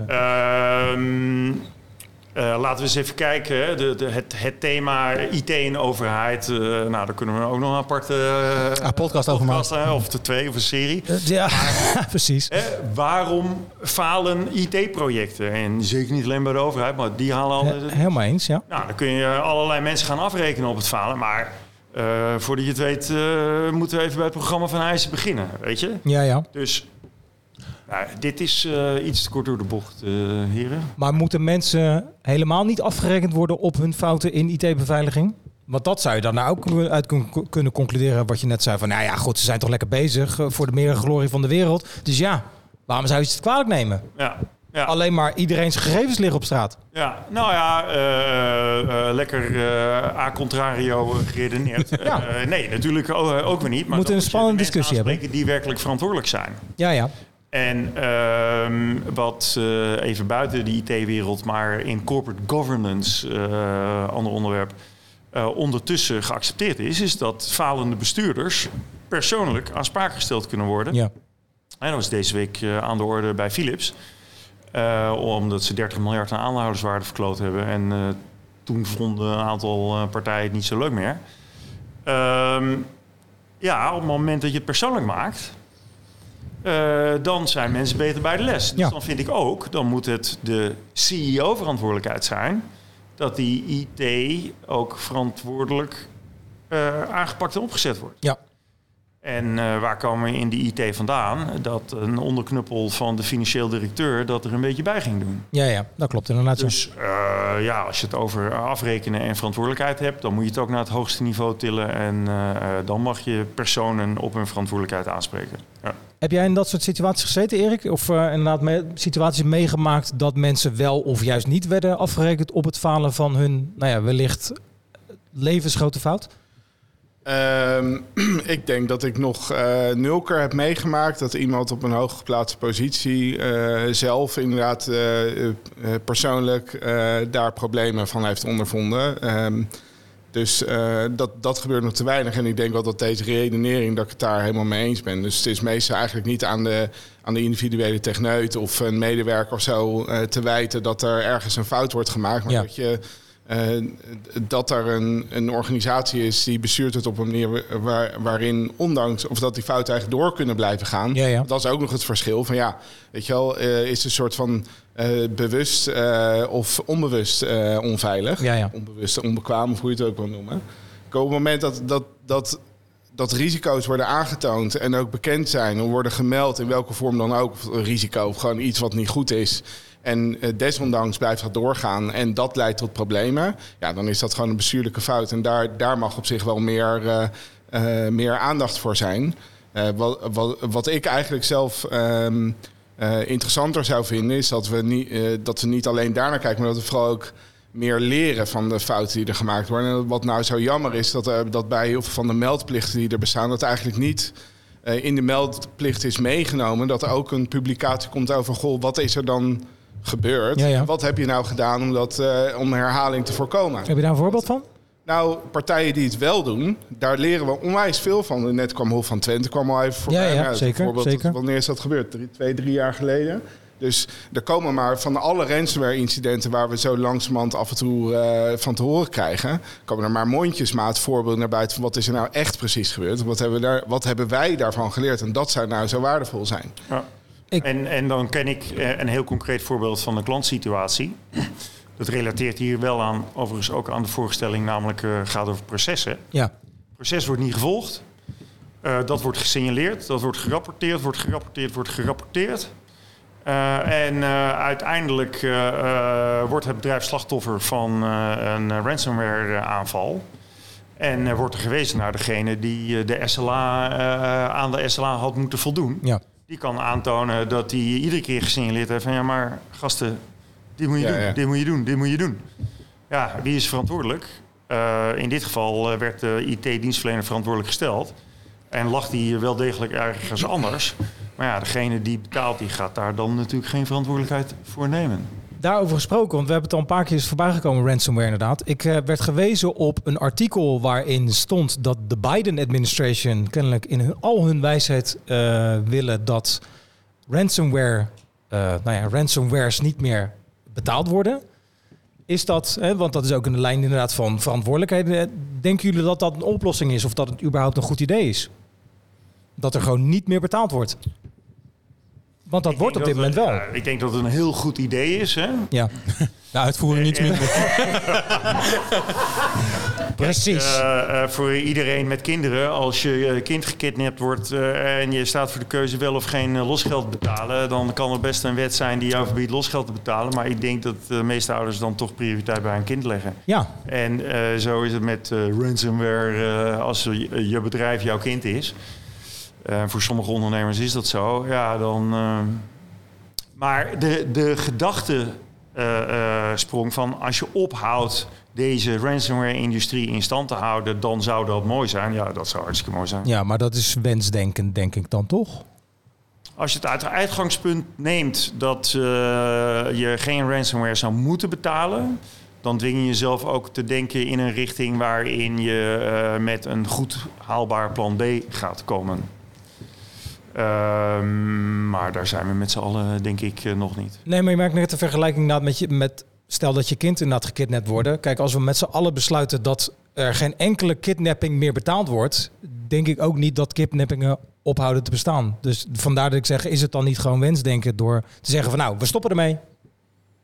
Hè, net zo goed als je mag geen drugs gebruiken. Ja, het- ik denk dat het ook ingewikkelder wordt op het moment dat je dus eh, niet alleen met ransomware te maken heeft, maar ook afpersing naar aanleiding Ja, van eh, met, met als dreigement data lekken. hè. Want heel vaak wordt dat wordt eigenlijk steeds vaker wordt dat het dreigement. Niet zo, is er helemaal niks op slot gezet, maar de data is gewoon gejat en wordt gedreigd om dat te publiceren. Precies, ja.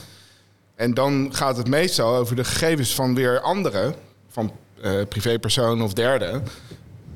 Die dan maar gewoon gepubliceerd moeten worden, omdat het bedrijf in kwestie dat, dat losgeld niet zou moeten betalen. Dus het is heel erg ingewikkeld van Ja. wie, eh, wiens probleem zijn we nou precies ja, zeker. aan het oplossen. Ja. Maar ja, inderdaad, ja, als, als we uiteindelijk niks meer zouden betalen aan die gasten, ja, dan houdt dit een keer op. Ja. Ja. Ik ben bang dat er dan wel weer een ander model gevonden wordt. Ik denk dat je daar gelijk in hebt. We hebben geen stellingen meer, Sander. Nee, nee, inderdaad. Dus, eh, Zijn er dan nog vragen? We- Bianca die loopt met alle liefde door de zaal heen. eh, Precies. voor ons. Zijn er inderdaad naar aanleiding van de stellingen nog vragen? Wat anders gaan? Nou, kijk eens aan. Kijk eens aan. We hebben...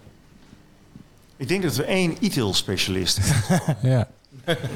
Aan de, aan de microfoon Martijn Moorman. Ja, ik heb een vraag. Ja. Eh, ik ben wel benieuwd wat de definitie is wanneer eh, er over falen wordt gesproken in IT-beveiliging. Wanneer faal je? Aan wie vraag je? Aan wie stel Nou je ja, de vraag? Ik vraag hem aan jullie. Aan ons eh, allemaal. Nou, dan, dan, stel ik, dan leg ik even de vraag bij de, De stelling, specialisten de neer. stelling is vrij breed. Val jullie- je wanneer het gebeurd is? Of Ja. val je wanneer het dreigt te kunnen gebeuren? Of ehm, wat is de definitie van falen? Want ik vind, persoonlijk vind ik, ehm, je valt niet als het gebeurd is. Eh, je bent daarvoor al gefaald als je het niet inzichtelijk hebt. Dus Ja, daar heb je een punt, zeker. Nou, ik, eh, ik leg hem graag bij de heren neer. eigenlijk moet je al mensen dus al eh, de deur uitsturen Ja, ja. op dit Ja. gebied. eh, als het eh, al voordat het gebeurt is, als het niet op orde is. De eerdere vergelijking over je huis beveiligen met de camera's... zorgen dat inderdaad die, die beveiliging is bijvoorbeeld. Eh, ja, En want als je het niet hebt, weet je zeker dat je er ook geen gebruik van kan maken... om het zo maar te zeggen, inderdaad. klopt. Nou, Erik, wat zie je als falen? Inderdaad, zie je, eh, kan je meegaan in zijn... Ja, ja, Gedachtegang. dat is dus, ja, ik, ik stip het eigenlijk volgens mij zelf ook al een beetje aan, want het hangt er nogal wel van af. Ik denk eigenlijk, ik hoef dat niet zelf nu eventjes uit mijn bloot over te bedenken, want we hebben gewoon een goede, slimme wetgever die bijvoorbeeld voor de meldplicht daar of met eh, rondom eh, persoonsgegevens heeft gedefinieerd van gij zult passende beveiliging treffen. En dan ergens anders is ongeveer wel uitgewerkt waar je dan naar moet denken. Maar eigenlijk is het een beetje een moving target van wat verstaan we daaronder. Ik denk dat als je er helemaal niet mee bezig bent geweest, wordt, dat je dan per definitie hebt gefaald. Eh, en, maar er zijn het is natuurlijk een heel groot grijs gebied daartussen. hè. En dat per, per geval eh, zou moeten eh, worden uitgezocht. Ja, is het nou een- echt verwijtbaar, ja of nee? En dat wordt ook al gedaan. Hè. Daar hebben we partijen voor. En, en het punt is denk ik dat op het moment dat is vastgesteld van ja, dit is wel verwijtbaar, dan denk ik dat er eigenlijk weinig middelen zijn om inderdaad iemand op bestuurlijk niveau daarop aan te vallen. Inmiddels dan wel. Maar die zijn nog niet echt heel erg vaak toegepast. Eh, laat staan dat, dat, eh, dat wat ik al zei, zei, dat ook de lessen die er getrokken zijn, die dat bekend worden gemaakt. Dat vind ik jammer. Maar falen is wat mij betreft dus ja, iets verwijtbaar eh, niet gedaan hebben of geen passende maatregelen hebben getroffen. Ik kijk links van mij en dan zie ik een hoofdbeweging. Dat ik denk van, nou, ik denk wel hetzelfde. Nou, volgens mij hebben we mijn mening over de stelling van het falen al eh, gegeven. Ehm, het, het, het is op zich wel interessant dat er alleen wet en regelgeving is over het eh, falen van IT met, dat, eh, met eh, het onderwerp persoonsgegevens. Niet helemaal meer waar, want je hebt nu ook met de NIS 2 natuurlijk wel een iets bredere Ja. Kijk, daar gaan we een Maar specialist dat, aan Dat woord. is het begin. In die AVG GDPR zijn twee technische termen opgenomen. Eh, encryptie en pseudonymisering. En verder helemaal geen enkel technische term, alleen eh, procedureel. Ehm, anekdotisch. Eh, laatst eh, eh, maakte iemand eh, referentie aan een eh, bedrijf wat van miljoenen, bijna alle Nederlanders, de namen, adressen en telefoonnummers eh, gewoon op eh, straat eh gooide en huis aan huis verspreidde. En dat was het telefoonboek. Ja, Ja. dat ja. Dus eh, we've come a long way, zeg maar, eh, in de privacy. Maar had je ook een opt-out? Eh, ja. Ja, Ja, en maar dan had je het begon al- een beetje met de 06-nummers. Want Ja, toen dat- werd het een beetje... eh, ja, welk Inderdaad, nummer gaan we nu Toen hadden we de Gouden Gids nog, dat was het alternatief. Ja, dat waren ze nog eens tijden, mensen. Zo is dat. Nog meer vragen uit de zaal. Dankjewel, Martijn. Dankjewel Voor je- Martijn eh, voor Voor je. je bijdrage. Nee? Nee. Nou, dan gaan we naar de de- quizvraag. Naar de quizvraag. Precies. Nou, de, de, de, de vraag was eigenlijk heel simpel. We hebben een ComGDT-event gehad uit in Kamerik. Het thema was Formule 1, wat uiteraard met sport te maken heeft. Maar er kan ook nog een sport bedreven worden op het, op het complex, mag ik het dan zo zeggen, Ja, zeker. van eh, restaurant Kamerik. Dus eh, roept u maar. Ik dacht dat het nationaal kampioenschap hamburger. Maar, eh, die... Dat, misschien ook, dat zou kunnen, maar dat is iets wat ik niet weet. Tafeltennis. Nee. Het heeft wel met een balletje te maken. Dat wil ik er wel bij Ja, zeggen. ik weet het, want ik was er. Nou ja, zeg het maar dan. En ik dacht dat jij daar presenteerde, maar dat was... eh, Nee, nee, nee. Maar roept u maar. Ja, ik zou eigenlijk eh, Martijn Moorman nu alsnog Oh. eh, Martijn, een antwoord te geven. roept u maar. Ja, ik was er ook bij. Ja. Ehm, en we hebben even gekeken samen met Bob. Ah, ah, er waren jammer. nog foto's, maar eh, het sure. was inderdaad ook hamburgers eh, eten. Ja, dat dat klopt. sport is. Maar eh, eh, je kon er ook eh pijl en boog schieten. Maar volgens mij ging het om eh, Piet, eh, Pit en Poet, heet het volgens mij? Ja, Ja, laten we het midget golf noemen. Inderdaad, golf had ik ook goed gegeven. Maar inderdaad, inderdaad we- je kan daar ook golven, zo gezegd. Ja. Ja, dan zijn we eh, helemaal rond. Ik wil eh, Erik en Abraham eh, bedanken. In ieder geval voor hun komst en hun bijdrage. Ja, dames en heren, geef ze, geef ze een applaus. een applaus. En ik wil een eh, nog groter applaus voor eh, Sander en Martijn. En natuurlijk eh, de gasten. Hè? Ja, zeker inderdaad. Ja.